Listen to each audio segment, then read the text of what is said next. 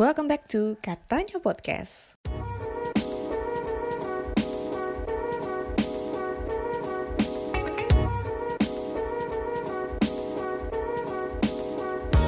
Sebelumnya gue udah buat episode mendadak soal bengek. Jadi judulnya tuh bengek karena gue nggak tahu mau ngasih judul apa waktu itu. Dan ternyata bengek yang gue alamin itu berlanjut sampai 12 hari kemudian.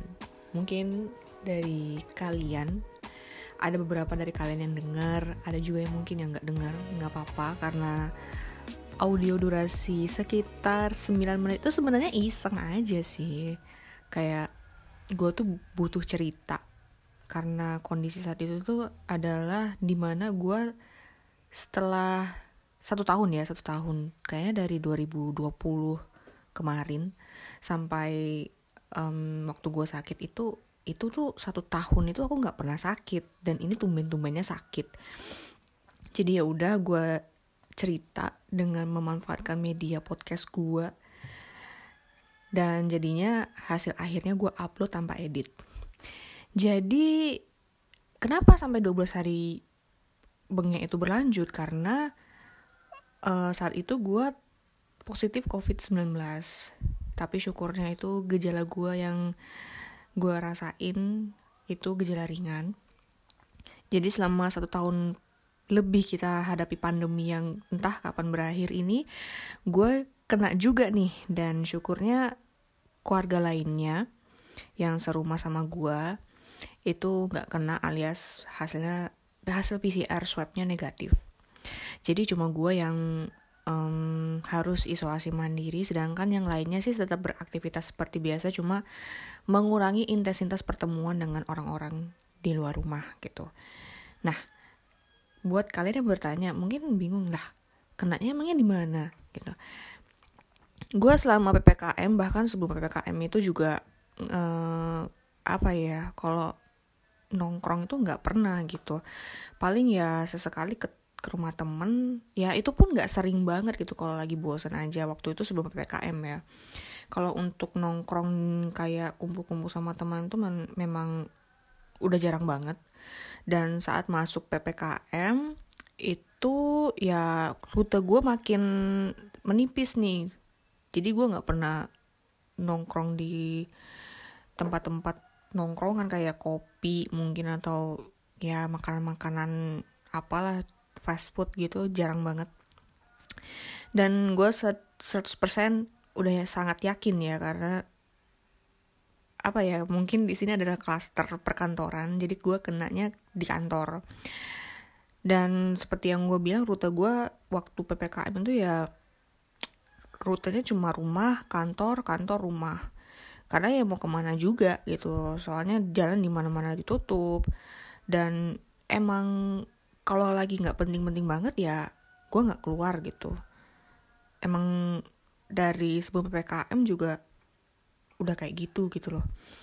Nah sebelum gue dinyatakan positif itu tuh udah tujuh orang yang positif. Tapi memang sebagian besar gejala ringan. Ada juga yang sampai apa ya sampai nggak bisa bangun. Tapi ya tidak sampai ini sih nggak sampai harus dirujuk ke rumah sakit sampai harus butuh tabung oksigen enggak syukurnya seperti itu. Dan gue mulai ngerasain gejalanya itu sekitar tanggal 6 atau 7 Juli itu gue sempet gak enak badan kayak sakit kepala sama sesak nafas gitu ya. Dan gue sempet juga suhu tubuh gue tinggi dan gue ngerasa oh ya mungkin karena cuaca saat itu sedang lagi jelek-jeleknya gitu. Kalau soal sesak nafas gue mikirnya ya di ruangan kerja gue tuh memang sebenarnya terbuka ya jendelanya itu. Semua jendela dibuka AC dimatiin jadi biar ada udara dari luar tuh masuk. Tapi justru hal itu bikin gue pengap gitu peng, bikin sesak gitu karena ya semakin siang udara apa tuh polusi udara tuh makin masuk ke kantor. Jadi bau-bau knalpot tuh juga kadang masuk ke dalam ruangan sehingga gue sesak nafas. Dan gue mikir awalnya gitu gitu karena seseknya tuh cuma di siang hari aja. Nah untuk ngeredainnya itu gimana? Gue waktu sujud sholat itu baru gue bisa ambil nafas sampai dalam banget jadi kayak nungging gitu loh. Sujud sholat gitu. Jadi ya fokus gue sebenarnya harusnya khusyuk dalam dalam berdoa pas sujud ya gitu. Tapi saat itu adalah hal yang bikin gue bisa ngambil nafas sampai dalam banget pas sujud gitu ya. Jadi gue lama banget tuh sujud biar bisa ngambil nafas gitu. Karena sesek banget cuy gitu. Kayak paru-paru lu keikat gitu loh keikat dikit gitu loh. Kayak gimana sih keikat dikit? Kayak keikat tapi nggak sampai keikat banget lah gitu loh. Seseknya tuh sampai kayak gitu. Tapi kalau gue lihat dari info yang seliweran gue kira itu adalah teknik proning gitu yang bisa ningkatin saturasi oksigen. Tapi gue waktu itu nggak punya alat ukurnya dan gue nggak bisa mastiin belum bisa mastiin lebih tepatnya apakah saat itu saturasi oksigen gue menurun. Jadi gue e, mengalami sesak, sesak nafas tapi ternyata teknik proning itu bukan teknik yang kayak sujud gitu. Bukan ternyata setelah gue cari-cari. Dan teknik proning itu kayak ya lo bisa ngeliat di Google dah. Gue nggak bisa jelasin di sini takutnya lo bingung. Intinya sesak gue reda waktu itu pas lagi sujud sholat gitu. Nah lalu lanjut besoknya mungkin sekitar 8 atau 9 Juli gue bergejala batuk kering itu jeda batuknya tuh lumayan cepat jadi gue ngira awalnya di kantor itu ada yang batuk gitu. Tapi posisi duduk kita tuh jauh banget. Adalah satu meter gitu. Tapi gue ikutan batuk nih gitu. Dan mikirnya oh gue ke distrak nih sama orang ini jadinya gue ikut ikutan batuk gitu. Kondisi tenggorokan pas itu tuh bener-bener gatel. Ya tau lah kayak batuk tuh kayak gimana kan tuh banget gue batuk gitu uh, dijajalin minum air putih juga nggak reda gitu. ditambah pemakaian masker itu pasti ya. Tapi waktu itu gue pakai masker kain dan jujur aja gue pakai masker kain tuh sebenarnya sesak ya tapi gue tetap pakai masker kain karena gue juga mikir kalau terus-terusan pakai masker medis ya kasihan dong masker medisnya bikin polusi lingkungan gitu. Ya tapi dilema juga sih karena gue sekarang pakai masker medis gitu biar biar nafas gue nggak sesek lagi gitu. Dan untuk saat itu gue tetap pakai masker kain dan dilemanya ya gue sesek dan ya gue pakai masker kainnya tuh kadang tak buka terus habis tuh pakai lagi buka pakai lagi kayak gitu. Nah akhirnya tanggal 9 Juli pas 9 Julinya gue mutusin buat nggak masuk kantor karena ditambah gejala sakit kepala. Gue ngerasa aduh anjay kenapa nih badan gue gitu Nah gue mikir gitu gitu. Selain sesak nafas, terus batuk, gue juga sakit kepala gitu. Nah gue sempat ngira lagi, oh iya ini kondisi cuaca jelek gitu. Kondisi em, gue selalu nyalahin cuaca cuy. Emang kondisi cuaca itu jelek bro sis. Buat mungkin yang di Bali, mungkin ngerasain juga kalau kok cuaca akhir-akhir ini jelek banget sih dan sekarang ini udah masuk Agustus yang harusnya musim kemarau ini tapi hujan gitu loh. Gimana gitu? Harusnya kalau perkiraan gue hujan tuh bulan Oktober ya. Tapi Oktober tuh masih dua bulan lagi gitu. Bener ya? Iya dua bulan lagi. Tapi hujannya sekarang gitu dan dari situ tuh udah aku bisa nyimpulin kalau cuaca tuh lagi nggak baik-baik aja gitu. Um, saat itu paginya itu dingin siang panas banget jadi gue mutusin buat rehat dulu dan saat itu juga gue nggak berani terlalu dekat dengan keluarga di rumah. Tapi yang satu yang pasti ya waktu itu gue sempet um, apa ya satu meja makan tapi jaraknya jauh sih. Ya intinya gue intensitas buat kontak itu jangan sangat-sangat um, aku kurangi gitu. Gue nggak bisa mastiin gue sakit apa waktu itu kan. Nah 9 Juli itu kan hari Jumat ya gue punya waktu istirahat tiga hari ditambah sabtu minggu kan libur. Nah untuk sakit kepala itu udah reda karena gue jejelin sakit uh, obat sakit kepala kayak bodrek. Tapi batuknya tetap nih dan walaupun batuk tetap tetap gue mutusin Senin tanggal 12 Juli itu masuk kerja lagi. Nah di hari itu gue baru sadar kalau penciuman dan pengecap rasa gue tuh hilang. Nah uh, baru gue ngerasain dan ngeh bahwa penciuman dan pengecap rasa gue itu hilang saat itu gue lagi uh, makan. Dan sebelumnya itu aku beli onigiri Indomaret. Kalau kalian pernah lihat atau makan nah di dalamnya itu kan ada daging ya sama luarnya tuh rumput laut. Nah dagingnya itu pasti um, ada asin ada rasa bumbu-bumbunya. Terus luarnya tuh rumput laut. Pasti gurih dong ya kalau dibayangin ya. Pasti ada rasanya gitu loh. Nah pas gue makan sampai setengah gue baru nyadar kok nggak ada rasa ya? gitu. Sama sekali aku nggak bisa ngerasain rasa onigiri ini gitu. Apakah memang ini nggak ada rasa gitu? Apakah ya namanya juga makanan-makanan fast food ya kadang nggak ada rasa kadang ada rasa gitu. Akhirnya setelah gue menepiskan pikiran negatif gue udah habis nih onigiri. Nah gue lanjut minum UC 1000 lemon. Nah buat kalian yang pernah minum UC 1000 lemon mungkin ya lemon ya case-nya ini. Mungkin kan di UC 1000 kan ada rasa orange ada rasa apple juga tapi gue lebih seringnya minum lemon. Dan uh, mungkin kalau kalian pernah minum UC 1000 lemon tuh kan asamnya semriwing ya. Ininya asam gitu loh rasanya asam gitu. Pas gue minum itu cuma kerasa sodanya tapi nggak ada rasa asam lemonnya gitu loh. Sodanya itu ya yang berasa ngegigit gitu kan di lidah tapi rasa asam lemonnya nggak ada gitu. Bener-bener nggak ada. Wah kenapa nih gue bingung kan? Kayak aduh gusar nih uh, deg-degan nih gue wah kenapa nih? gitu. Nah akhirnya gue mencoba untuk diem dulu lalu lanjut makan siang. Lauknya kan banyak tuh ada ayam terus kacang goreng banyak banget itu nasi campur ya.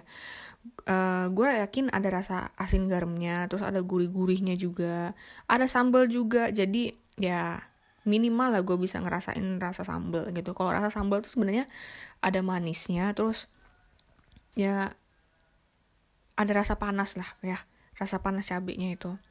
Nah pas gue makan tetap nggak ada rasa. Bahkan gue makan sambalnya itu walaupun gue pinggirin kan pasti masih ada rasa-rasa sambalnya gitu rasa-rasa pedesnya. Dan itu nggak ada rasa sama sekali. Bener-bener lidah gue mati rasa gitu gue tanya temen gue kan uh, yang makan juga nasi uh, yang sama. Nasi yang sejenis bukan nasi yang sama. Lo nanti mikirnya nasi yang sama gue nasinya satu berdua gitu. Nah, gue tanya, sis, ini rasa makanannya apa ya? Gue nggak ada rasa nih, gue nggak bisa ngerasain apa pun gitu. Teman gue bilang, sedikit ada rasa gurih dan dia tuh mulai panik juga kan. Tiba-tiba gue bilang nggak bisa ngerasain apa pun. Nah um, memang saat itu kondisinya posisi kita jauh dan um, gue ngobrol dari jauh gitu kan ya walaupun teriak-teriak tapi nggak jauh-jauh banget sih. Dan dia bilang ya ada rasanya dah gitu. Ada gurihnya ada pedesnya gitu. Eh cuy gue nggak bisa ngerasain apa pun gitu. Saat itu kondisi kantor tuh ya kita, cuma kita berdua aja jadi ya gue nggak berani untuk bilang dulu ke rekan-rekan yang lainnya sih saat itu. Dan untuk penciuman gue coba untuk um, cium minyak kayu putih. Dan gue posisinya udah deketin banget ke lubang hidung. Itu juga nggak kecium sama sekali bener-bener. Ya kayak kondisinya tuh kayak hidung lu pilek gitu mampet gitu ya. Kalau hidung lu mampet pilek itu pasti ya ada lendir-lendirnya yang menghalangi sehingga lo nggak bisa uh, mencium dengan maksimal gitu. Nah kondisi gue gue nggak pilek sama sekali pernafasan gue normal hidung gue normal. Gak dalam kondisi pilek. Dan itu yang bikin gue was was gue nggak pilek tapi kok indera penciuman gue hilang gitu. Akhirnya gue mutusin buat rapid antigen pas pulang kerjanya. Dan hasilnya negatif. Waktu um, usai rapid ya. Harusnya tenang dong ya. Iya dong harusnya tenang dong. Tapi di gue enggak cuy. Gue tetap enggak tenang gitu. Kenapa kalau negatif gue kehilangan penciuman sama perasa gitu loh. Kok separah ini gitu loh. Emang gue sakit apa sampai kehilangan penciuman sampai perasa? Kondisinya pilek enggak sakit kepala juga enggak sesek masih tapi ya ditambah batuk itu batuk kering itu. Bahkan sampai saat gue pulang dari lokasi rapid antigen pas di jalan itu kan ada truk sampah ya di depan gue itu posisi gue tuh jaraknya deket karena dia baru um, keluar dari TPA dari tempat pembuangan akhir. Pas gue deket itu itu bau busuknya tuh nggak kecium loh sama sekali. Dan di situlah bener-bener gue mikir gue nggak beres nih gitu. Nggak sehat nih tubuh gue bahkan ketika gue membeli lauk cumi bakar untuk makan sorenya entah makan sorenya atau besoknya itu kalau dilihat-lihat tuh enak banget rasanya. Ditambah dengan sausnya. Terus apa ya cumi bakar yang dibakar dengan suhu yang pas dengan uh, rasa yang pas. Gue udah ngebayangin enaknya gimana sih. Tapi saat itu gue nangis sambil makan karena apa ya? Karena gue nggak bisa ngerasain sama sekali gitu. Hilang banget cuy rasanya. Dan akhirnya karena gue nggak puas sama rapid antigen aku akhirnya aku tanggal 14 coba untuk swab PCR di dinas kesehatan Bali. Sekitar jam 9 gue di sana dan hasilnya gue terima di email jam 3 sore dan hasilnya gue positif. Asli gue bingung bukan main. Teman gue yang gue tanyain nasi rasanya apa yang tadi yang gue sempat cerita tuh juga positif nah yang sebenarnya ya gue kalau misalkan positif ya gue walaupun agak gusar gue tenang. Dan tenangnya itu karena ya gue tinggal isolasi mandiri karena ya gejala gue gejala ringan gitu. Dan ya gue sempet cemas juga. Karena apa? Karena ya gue kepikiran yang di rumah apakah ada yang tertular gitu. Asli lah gue bingung gitu. Karena gue dari tempat kerja nih bawa virus ke rumah. Kan gak make sense gitu loh gak adil gitu loh jadi dari tanggal 14 Juli gue mutusin untuk isolasi mandiri di rumah. Gue juga udah lapor ke atasan kalau gue positif. Jadi ya selama di rumah isolasi mandiri di rumah ya gue uh, rute gue tuh cuma kamar kamar tidur gue kamar mandi terus lantai dua kalau mau berjemur terus ulang dari awal. Terus kalau gue habis balik dari kamar mandi selalu disemprot disinfektan kamar mandinya. Terus alat mandi dipisah wadah makanan gelas ataupun sendok tuh juga gue pisah gitu. Gue mutusin untuk um, isolasi mandiri di rumah karena ya memang memang ada yang menawarkan untuk isolasi mandiri di hotel. Tapi ya gue ngerasa kayaknya walaupun hotel ya fasilitasnya mungkin ya tempat tidur nyaman ada TV walaupun di rumah gue nggak ada TV gitu. Tapi nggak deh kayaknya gue butuh di rumah aja.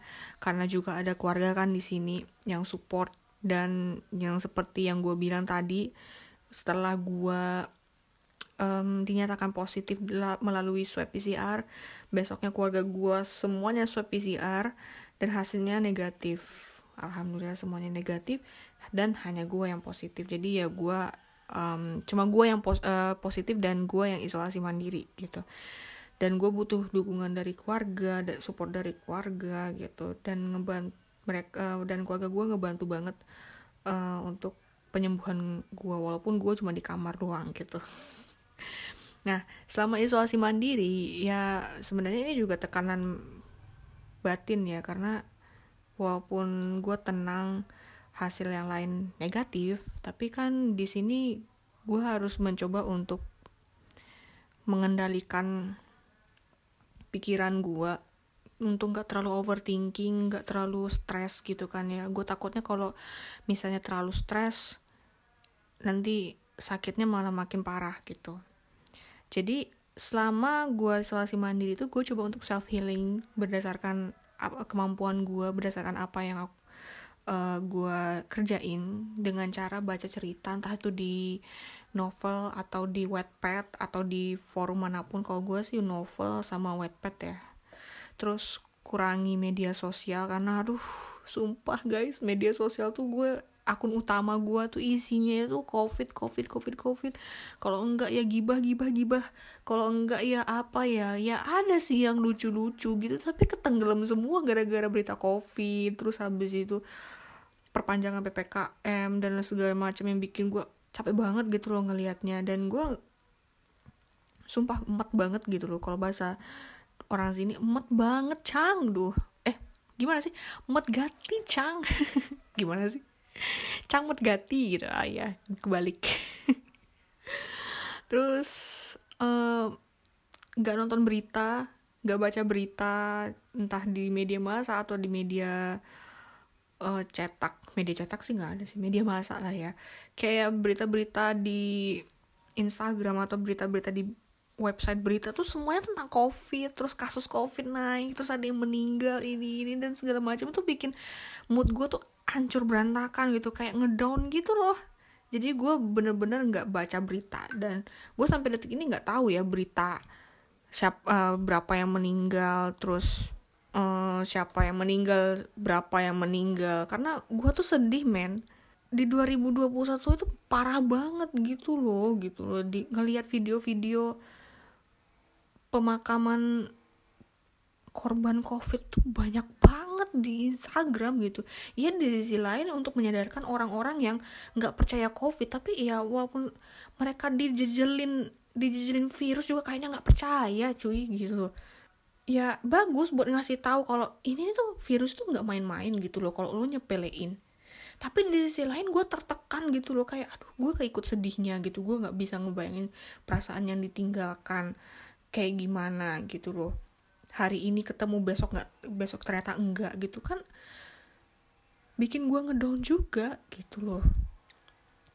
Dan akhirnya gue nggak baca berita sama sekali gak bat gak buka browser paling browser buka apa ya paling download foto Instagram udah itu aja. Sama lagi satu gue nonton drama Thailand. Yang terakhir best banget sih karena itu bener-bener naikin mood juga.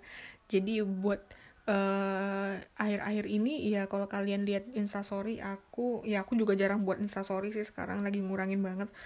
Uh, kalau ada ngepost tentang aktor Thailand gitu ya kayak Bright Wachirawit itu ya karena gue lagi suka-sukanya sama dia dan aktor-aktor Thailand lainnya dan itu bener-bener best banget sih buat naikin mood gue gitu. Dan sebenarnya naikin mood gue tuh bukan cuma untuk mantengin mereka tapi bukan mantengin dari hanya dari prestasinya tapi dari uh, acara atau drama yang mereka bintangin gitu. Dan selain itu juga uh, eh, gue konsultasi ke dokter lewat aplikasi Halodoc jadi mungkin uh, aplikasi-aplikasi online dokter gitu ya itu kan gak cuma Halodoc ada klik dokter sama Alodoc Alodoc ya eh Alo dokter kalau nggak salah. Itu gue milih Halodoc karena sebelumnya gue juga udah pernah pakai Halodoc dan gue konsultasi di sana di, dengan salah satu dokter di sana dan gue juga diberi resep obat dan gue ya sebelumnya sebelum dikasih resep obat gue juga kasih tahu keluhan gue apa. Ya keluhan gue sih sebenarnya adalah batuk kering yang gak kunjung reda gitu. Batuk kering gue tuh kondisinya tuh ya gak terlalu ini sih kayak sampai gak bisa tidur pas malam hari karena kambuh batuknya tuh enggak cuma ya batuk gitu loh tapi gatal banget gitu. Nah jadi gue diresepin sama dokternya tuh antibiotik sama obat batuk kering harusnya sih uh, juga ditambahin vitamin D3 tapi sayangnya lagi kosong. Jadi yang gue konsumsi cuma dua obat aja uh, yaitu antibiotik sama obat batuk kering ditambah lagi gue punya vitamin C. Itu yang gue konsumsi tiga obat itu kalau nggak salah di hari keempat isolasi mandiri atau hari kelima gitu penciuman pengecap rasa udah mulai membaik tapi kalau makan masih enggak enak. Nggak tahu lidah gue tuh kayak masih enak banget sih makan ini. Tapi ya walaupun enak apa pun makanan apa pun menu yang enak gitu loh enak gitu loh. Jadi ya gue tetap harus paksa makan dong biar ada nutrisi yang masuk gitu biar ada sesuatu yang bisa gue konsumsi sebelum gue minum obat gitu. Sempat pusing juga gitu. Sempat sakit kepala kayak geliangan gitu masih tapi lama-lama reda juga. Dan akhirnya di hari ke-12 isolasi mandiri gue rapid antigen dan hasilnya negatif. Sebenarnya untuk um, apa ya uh, rapid antigen ya sebenarnya kenapa dia bisa negatif? Mungkin karena ini ada pengaruhnya sama city city tubuh kita. City CT ya tulisannya bukan city city Munawaro city Aisyah. City city tubuh kita gitu. City itu juga berpengaruh untuk mengukur apakah virus kita menyebar dengan cepat virus kita lagi kuat-kuatnya dalam tubuh kita atau virusnya udah jadi bangkai gitu kan ya. Itu yang membuat rapid antigen itu negatif tapi PCR-nya bisa positif. Jadi rapid antigen itu memang kurang efektif sih. Uh, mungkin efektifnya hanya beberapa persen gitu. Tapi ada beberapa dari rekan kantor gue juga udah di rapid antigen juga hasilnya udah positif gitu. Tapi di gue rapid antigennya itu negatif tapi PCR-nya positif. Mungkin CT virus gue juga um, di angka berapa gitu sehingga di rapid antigen dia tidak terdeteksi gitu. Dan untuk saat itu ya penciuman pengecap sudah oke okay, batuk juga udah reda. Bener-bener obatnya ini the best banget ya. Walaupun gue dengar dari kawan gue batuknya covid itu cep, uh, apa namanya lebih lama daripada batuk biasa. Jadi ada obat khususnya. Ya gue cari sih di apotek apotek online gitu cuma nggak ketemu terus untuk tes rapid antigen ini sebenarnya untuk formalitas aja sih karena formalitas biar bisa kerja gitu biar bisa masuk kerja lagi gitu. Dan kenapa gue bisa pede uh, saat itu gue sudah sembuh? Selain penciuman dan pengecap rasa udah membaik batuk juga udah hilang gue pernah baca uh, kalau virus covid gejala ringan itu di tubuh kita tuh selama 10 hari itu sebenarnya udah udah ini udah jadi bangkai virus gitu. Jadi bangkai virus ini masih ada di tubuh kita namun tidak menyebar ke uh, menyebar ke orang-orang gitu. Nggak menyebar. Istilahnya kalau udah bangkai virus ya udah mati gitu virusnya. Cuma dalam tubuh kita tuh masih gitu. Kalau misalkan kita PCR swab gitu ya masih positif gitu. Dan awalnya formal uh, untuk formalitas masuk kerja lagi itu awalnya disuruh swab PCR lagi. Untuk tahu apakah benar-benar udah sembuh atau belum cuma itu berlaku kalau um, kita isolasi mandiri di rumah sakit gitu. Karena kalau udah masuk rumah sakit kan parah ya. Jadi harus kalau mau masuk ke kantor lagi ya harus swab PCR mungkin di beberapa perusahaan juga seperti itu. Um, balik lagi soal uh, virus yang bangkai virus yang ada di tubuh ya teman gue juga waktu hari ke 10 isolasi mandiri juga mutusin buat swab PCR dan hasilnya tetap positif walaupun sebenarnya itu adalah bangkai virus yang terdeteksi di uh, swab PCR itu.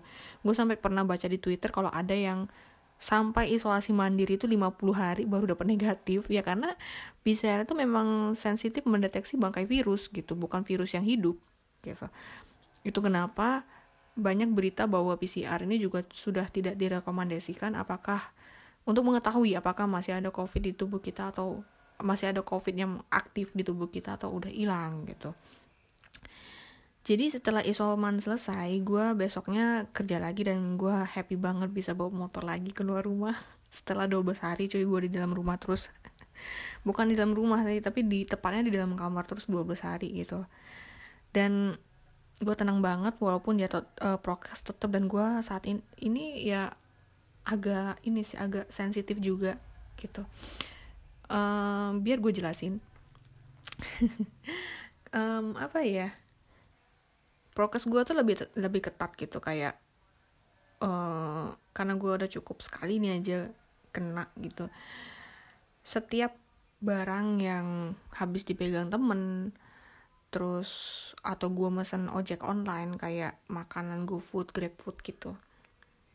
Setiap kali gue nerima gue harus um, sebelum makan ya sebelum makan contohnya. Gue semprotin tangan gue pakai hand sanitizer gue semprotin barangnya juga pakai hand sanitizer. Segitu parnonya.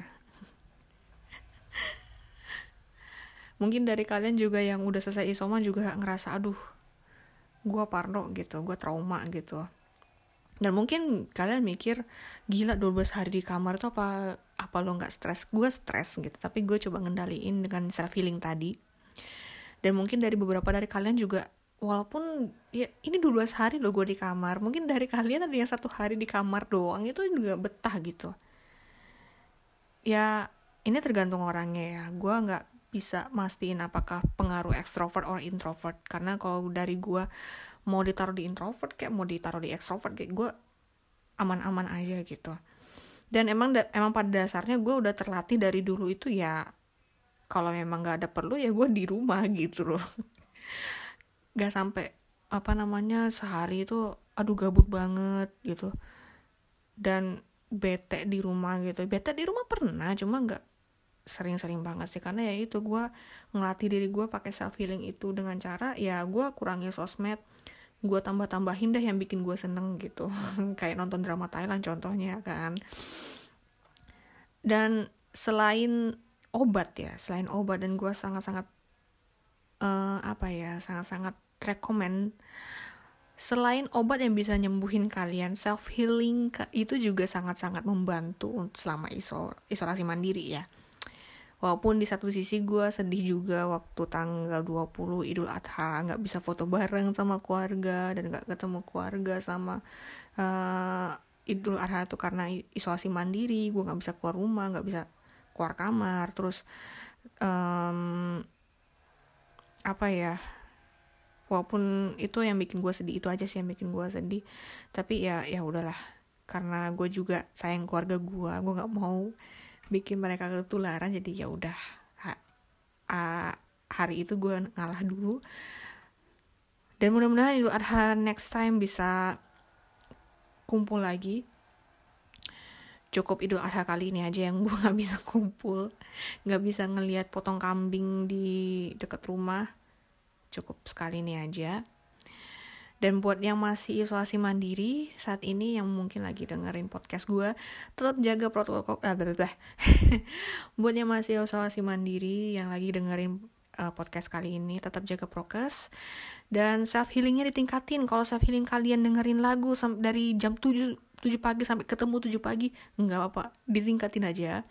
Terus uh, kalau self healing kalian ngehalu nge, uh, ngehalu bias Korea silahkan. Yang penting uh, bahagia itu kalian yang keep gitu ya. Bahagia itu kalian yang punya gitu. Senang itu kalian yang punya gitu ya. Asal tidak ngerugiin orang lain.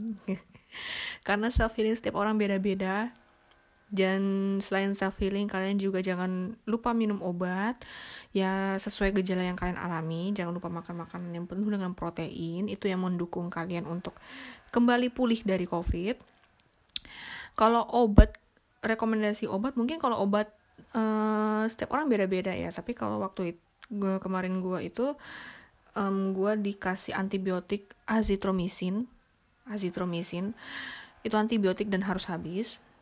Terus untuk obat batuk keringnya itu gue dikasih merek Siladex antitusif itu bener-bener cocok di aku karena sebelum obat itu habis ya uh, batuk gue udah reda jadi ya mungkin kalau kalian ada yang bergejala batuk kering bisa pakai Siladix antitusif stay safe semuanya karena semua bisa kena virus ini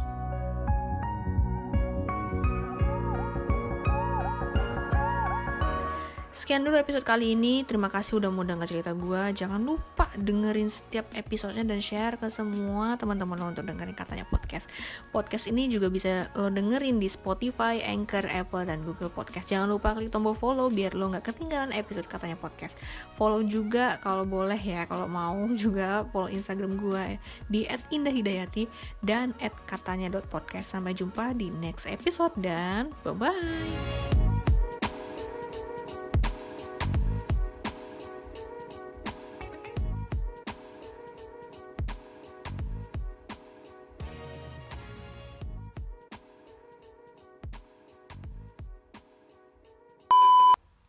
Tapi ya untuk um, saat ini tuh apa perasaan gue aja atau gimana suara gue tuh agak beda gitu loh. Nggak tahu ya suara gue setelah gue kena covid ini efeknya di gue tuh selain ngerasa suara agak beda mungkin perasaan gue aja sih. Gue juga nggak gue juga kadang kesel gitu denger suara sendiri. Jadi gue nggak bisa mastiin ini beneran gak sih? Apa perasaan gue aja suara gue beda gitu. Dan ya kalau bagi kalian yang penyintas juga kalau kalian ngerasa cepat lelah ya gue juga cepat cepat lelah. Kita sama-sama cepat lelah setelah kena covid ya. Pokoknya dijaga aja kondisinya. Stay safe semuanya. Dan jangan lupa bahagia